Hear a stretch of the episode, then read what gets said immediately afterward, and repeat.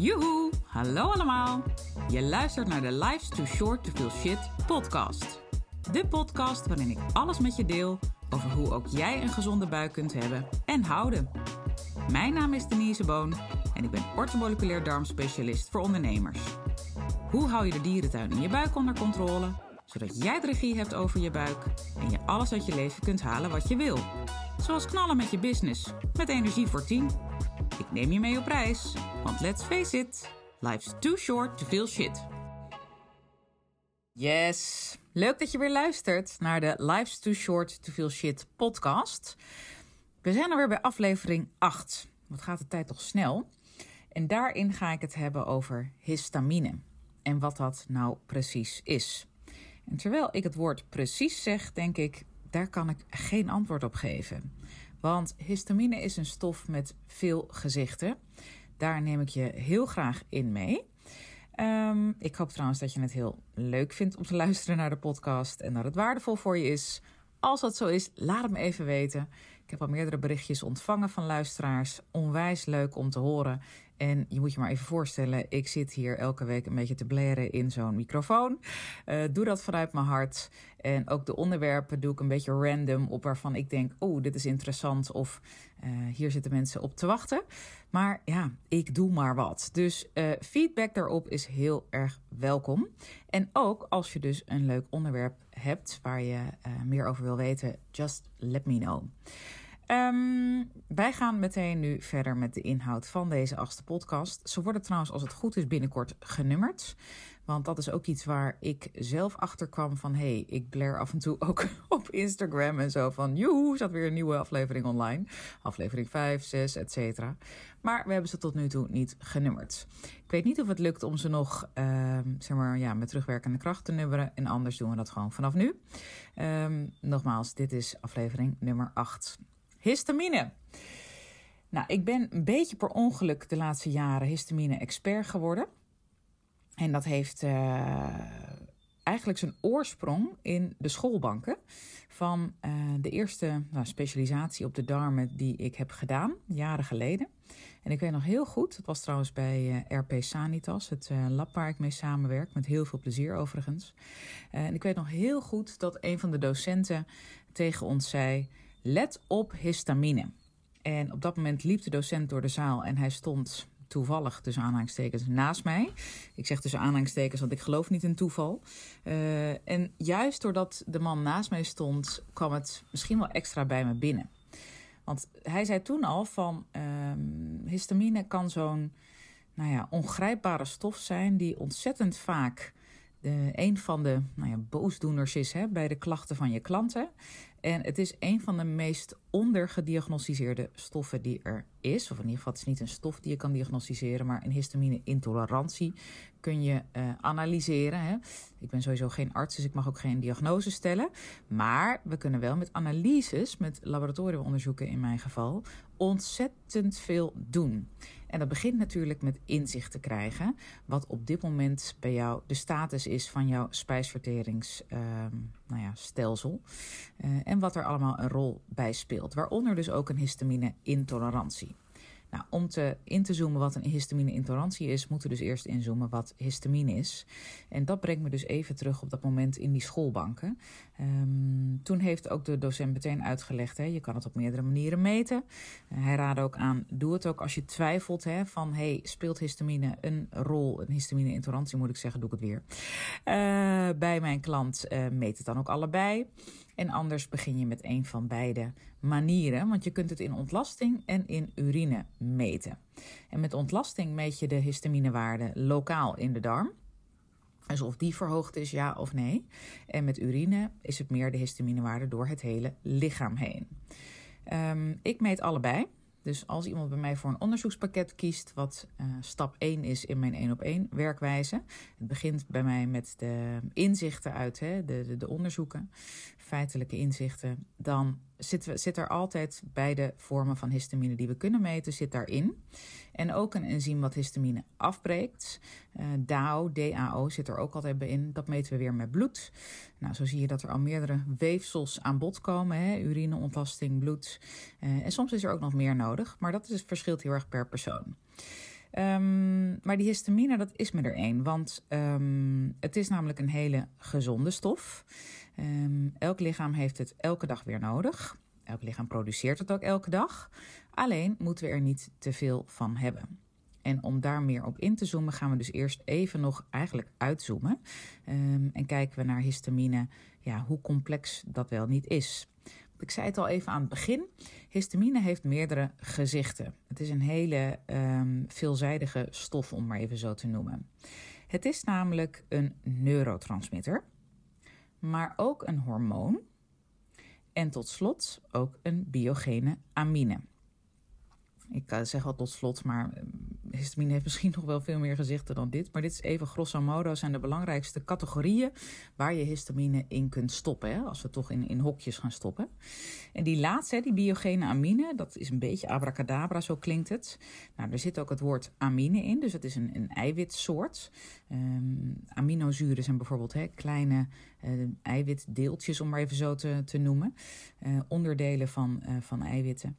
En um, een biogene amine, of eigenlijk de biogene aminegroep, die is veel breder dan alleen histamine hoor. Daar vallen ook heel veel andere stoffen onder, waaronder, misschien wel de meest bekende daarvan, serotonine. En serotonine is ook zo'n veelzijdige stof, want dat is ook een uh, neurotransmitter, hormoon en dus ook een biogene amine. Dus dat hebben serotonine en histamine met elkaar gemeen, hoewel hun werking compleet anders is. En ook de aanmaak waarin het lichaam beide stoffen worden aangemaakt verschilt ook heel erg. Maar goed, we gaan het nu niet hebben over serotonine. Komt vast een andere keer in de podcast terug. Zeker als je er meer over wil weten. Uh, we focussen ons nu even op histamine. Nou, ik zei het net al even, elk lichaam maakt de hele dag door histamine aan. Dat, dat hoort ook. En dat gebeurt eigenlijk heel geleidelijk. Dus idealiter, in een gezond lichaam dat in balans is, uh, start je uh, de dag met een, een lege histamine-emmer. En die emmer die vult zich door de dag heen. Um, daarvoor zijn allerlei dingen uh, op van invloed. Bijvoorbeeld, stel voor je wordt wakker van de wekker. Nou, dan geeft dat direct een cortisolpiek. Sowieso worden we door het hormoon cortisol wakker. Dat is bij elk lichaam zo. De ene wat vroeger dan de ander. Nou, word je bijvoorbeeld heel vroeg wakker, rond een uur of 5, 6, uh, dan kan dat zijn dat je uh, cortisolpiek eigenlijk te vroeg al piekt.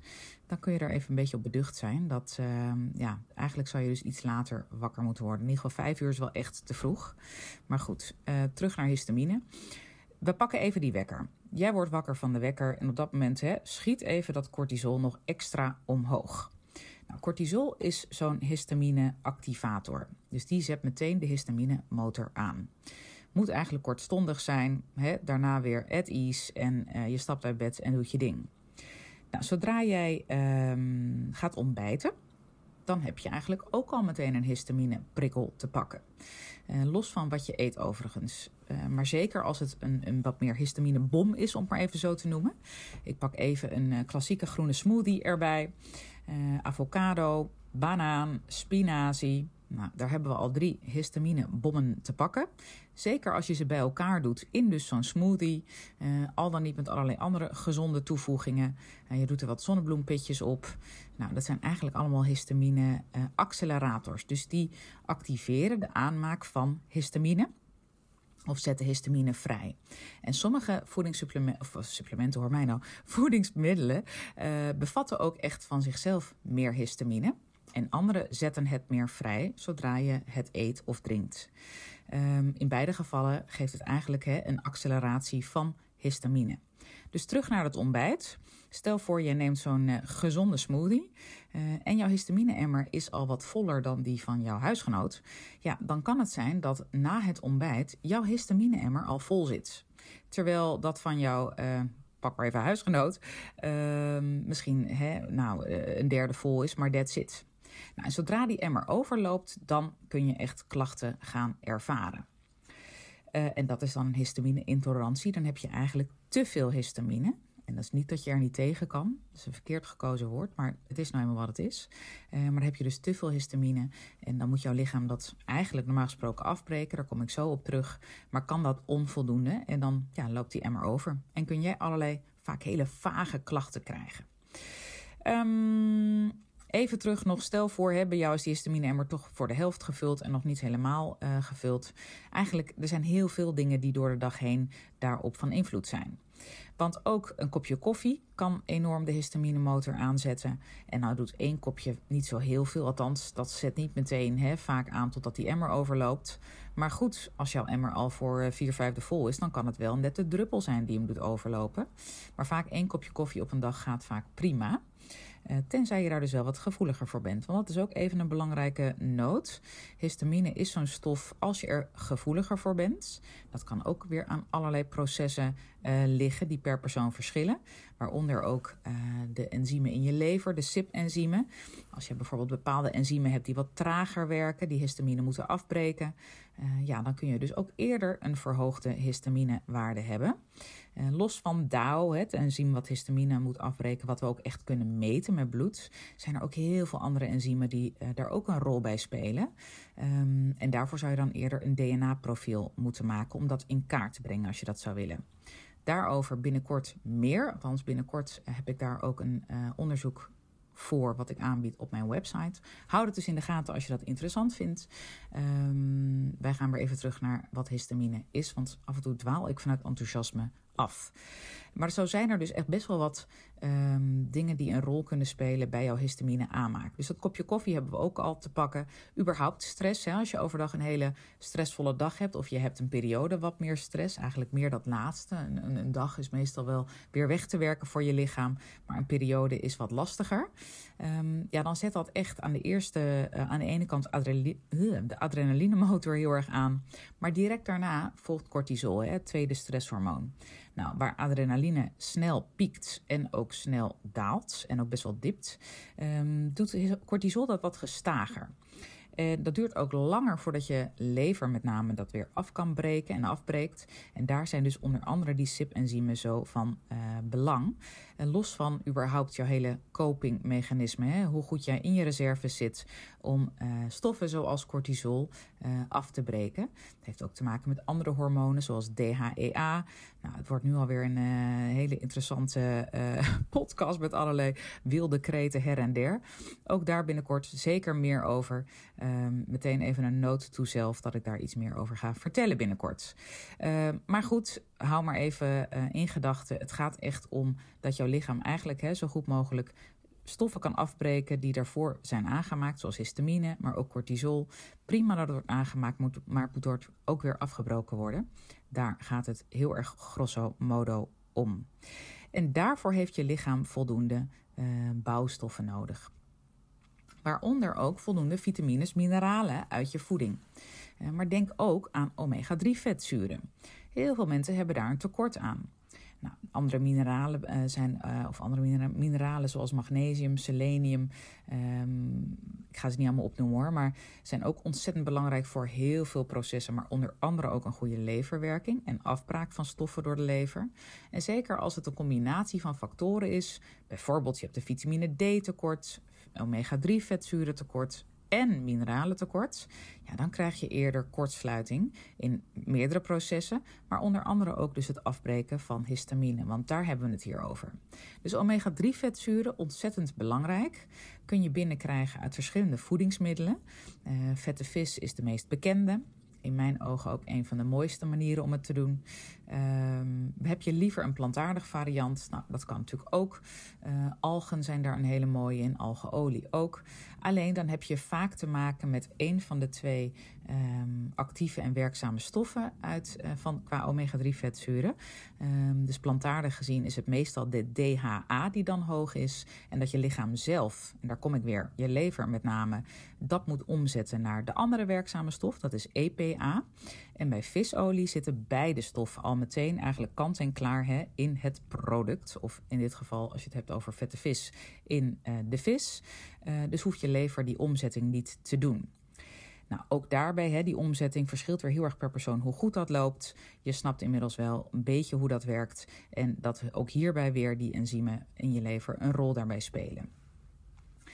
Uh, daarom ben ik wat meer fan van visolie over het algemeen gezien um, dan en, en, en vis überhaupt hè, uh, eten. Niet alleen een supplement, maar ook gewoon als voedingsmiddel dan plantaardig. Maar goed, als je uh, dat liever plantaardig doet, dan kan dat natuurlijk ook. Maar ben je dus wel afhankelijk van die omzetting in je lever. Dus hou dat in je achterhoofd en wees daarop beducht. Dus omega-3 vetzuren tekort, vitamine D tekort, um, dingen als cortisol, hè, of dingen, hormonen als cortisol. Um, wat je eet, hè. we noemden al even de histaminebom.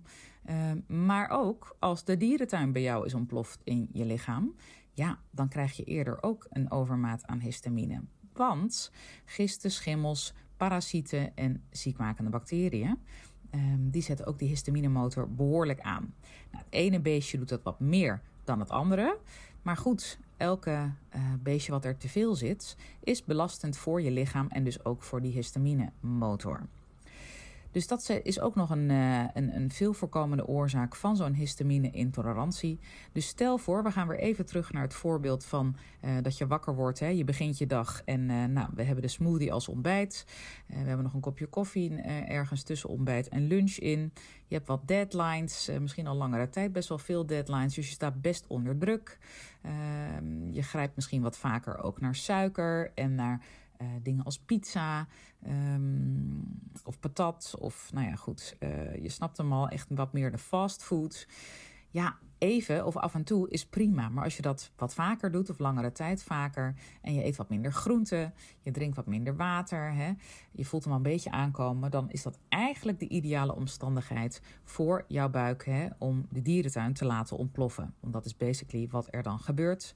Stel voor, er zit een parasiet die heeft weten aan te haken en die gaat daar lekker koloniseren met zijn matties. Uh, ja, voor je het weet, dan uh, zit er echt gewoon een party die er binnen uh, wordt gespeeld of afgedraaid elke dag weer. En krijg je steeds meer vage klachten erbij. Dat kan een opgeblazen buik zijn. Uh, dat is zowel een uiting van uh, de dierentuin die is ontploft, maar ook van een histamine-intolerantie kan dat een, uh, een, een, fysieke klacht zijn. vermoeidheid speelt eigenlijk altijd een rol, want het put gewoon eigenlijk je hele lichaam uit en zet ook druk op allerlei processen in je lichaam. en dan is vermoeidheid een van de eerste dingen die je gaat merken. Uh, maar goed, vermoeidheid heeft ook heel veel verschillende oorzaken en gezichten. Daar gaan we het ook nog een andere keer over hebben. Um, andere dingen, opgejaagd gevoel of echt hoog ademen en hè, um, ja, hoe leg je dat uit? Hartkloppingen gaat natuurlijk ook echt gepaard met zo'n opgejaagd gevoel. Nou, dat is ook zo'n zo'n typische histamine-intolerantie uh, symptoom. Um, maar ook dingen aan de huid. Dus denk aan eczeem, huiduitslag, rosatia of rode vlekken. Um, jeuk op de huid, zeker ook. En daar ligt niet altijd een allergie aan ten grondslag. Allergie en histamine-intolerantie gaan trouwens ook niet altijd samen. Vaak wel overigens. Maar ik heb toch al best wel vaak de laatste jaren de uitzondering op de regel gezien in de uitslagen. Want ook een um, allergische belasting brengen we in kaart. In dit geval met bloedonderzoek. En ik heb al een aantal keer gezien dat de histaminewaarde verhoogd was, maar de uh, allergie-totaalwaarde niet. Um, dus ja, zo zie je maar. Uh, als je dat niet in kaart brengt, dan kun je wel eens op een verkeerd paard wedden met de aanpak. Nou, dat doe ik het liefst zo min mogelijk. Kijk, garanties zijn er nooit. Hè?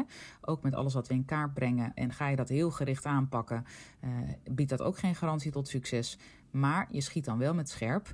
En uh, creëert eigenlijk de kans, hè, zo groot mogelijk, om raak te schieten, om maar even zo te zeggen. En dat het lichaam dat goed oppikt.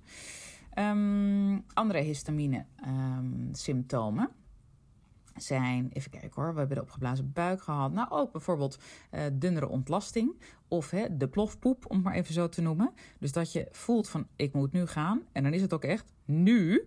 Uh, dus snel naar de wc. Doet me denken aan een klant die uh, bij alle tankstations precies wist welk tankstation een wc had. Want die wist, zodra ik voel dat ik moet, dan moet ik ook. Uh, daar hoorde ik echt van op. dacht ik, oh, daar sta ik helemaal niet bij stil. Ik heb zo'n mazzel met um, nou, dat het allemaal bij mij inmiddels weer goed werkt. Was vroeger wel anders, maar dat heb je waarschijnlijk al op mijn site gelezen. Um, maar inmiddels ga, is het echt sound a pound, al jaren en jaren. En dat wens ik iedereen toe. En dat is ook een van de redenen waarom ik doe wat ik doe. En dat ik steeds weer nieuwe manieren bedenk om uh, mijn boodschap over te brengen. Zo ook met deze podcast. Ehm, want ja, ik weet ook dan juist weer hè, door zo'n gesprek met een klant weer eens te meer van... oeh ja, dat was bij mij ook wel heel erg anders. En hoe lekker is het om wat meer regie nu te hebben... of eigenlijk volledige regie over mijn buik en mijn ontlasting. Uh, dus die plofpoep is er ook echt één. Nou, bijvoorbeeld een wisselende ontlasting, hè, dat kan weer zo'n typische parasiet, eh, een symptoom van een parasiet zijn. Al dan niet in combinatie met een histamine-intolerantie. Um, ik vergeet er een paar. Ik zit even te denken, want ik heb het niet opgeschreven. Nou, als gevolg sowieso van uh, een histamine-intolerantie kun je ook een korter lontje krijgen. Dat sowieso.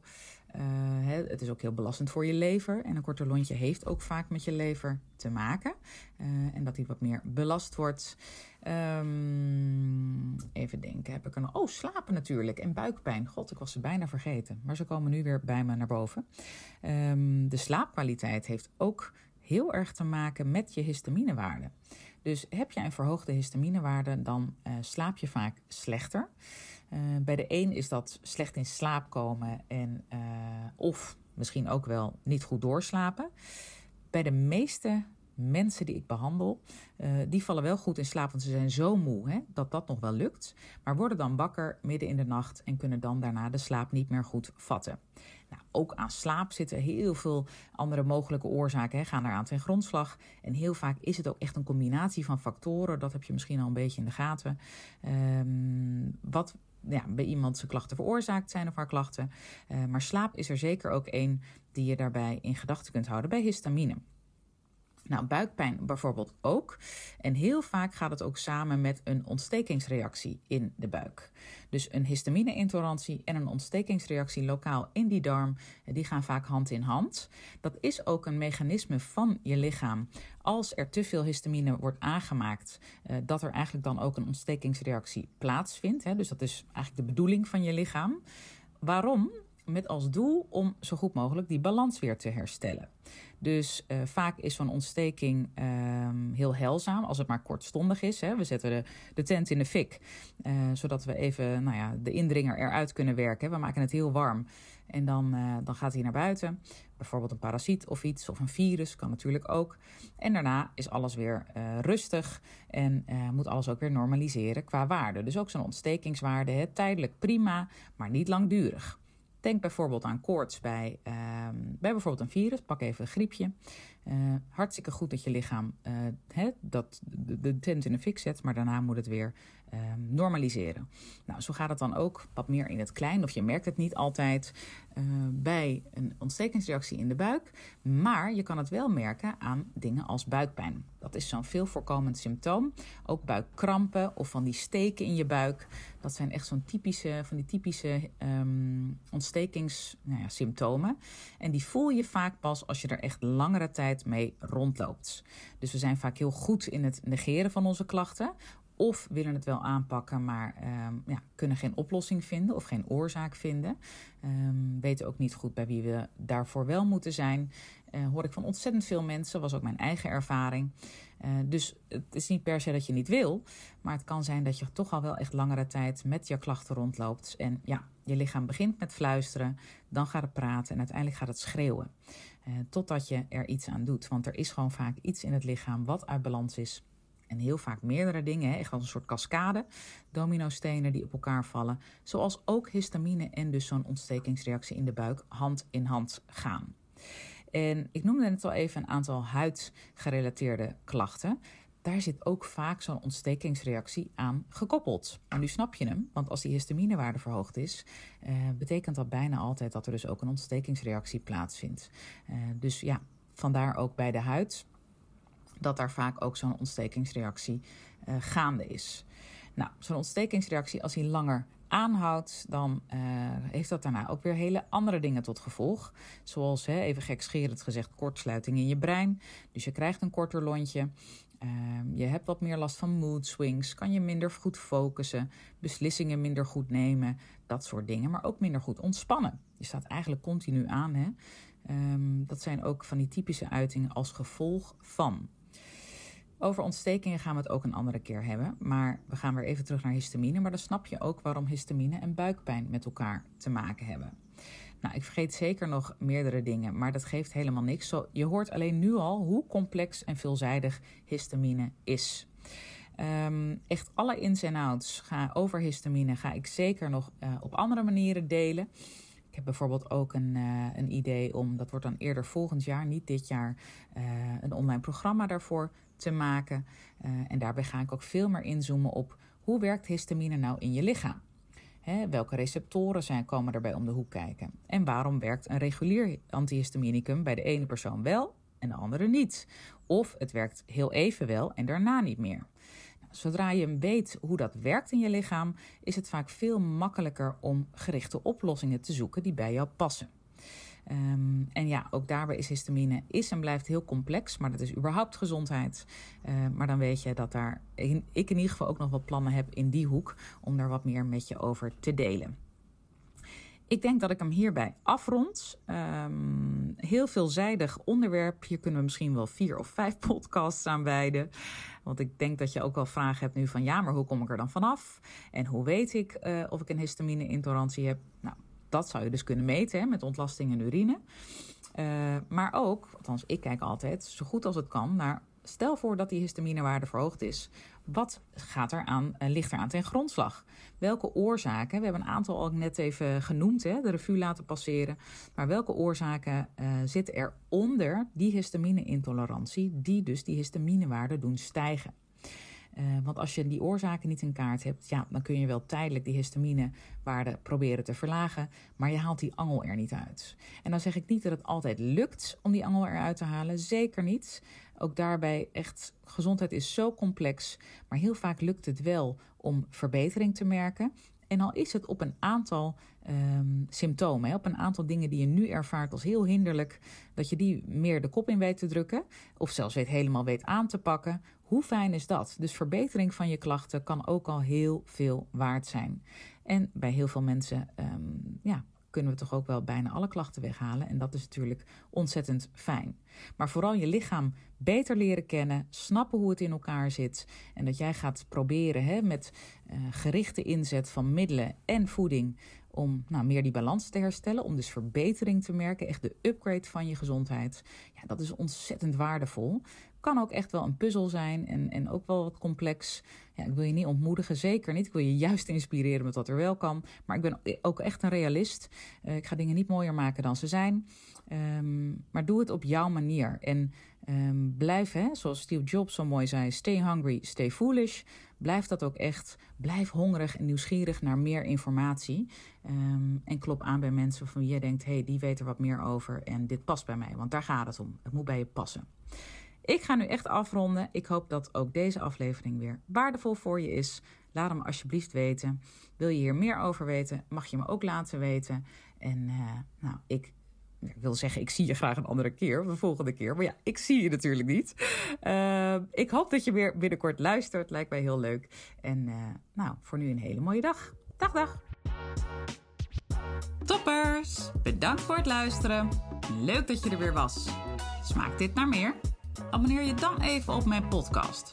Zo zorg je ervoor dat je volledig up-to-date bent over hoe jij je buik gezond houdt with fun and ease. En als mijn afleveringen waardevol voor je zijn, laat het me dan even weten. Vind ik leuk. Je maakt me het meest blij met een korte review via iTunes of Spotify. En daarmee maak je me niet alleen blij, je helpt er ook nog anderen mee. Want door jouw review is de podcast namelijk beter vindbaar.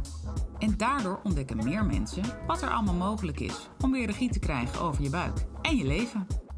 Om je ervoor te bedanken, verloten we iedere maand een histamine maandmenu kookboek ter waarde van 97 euro.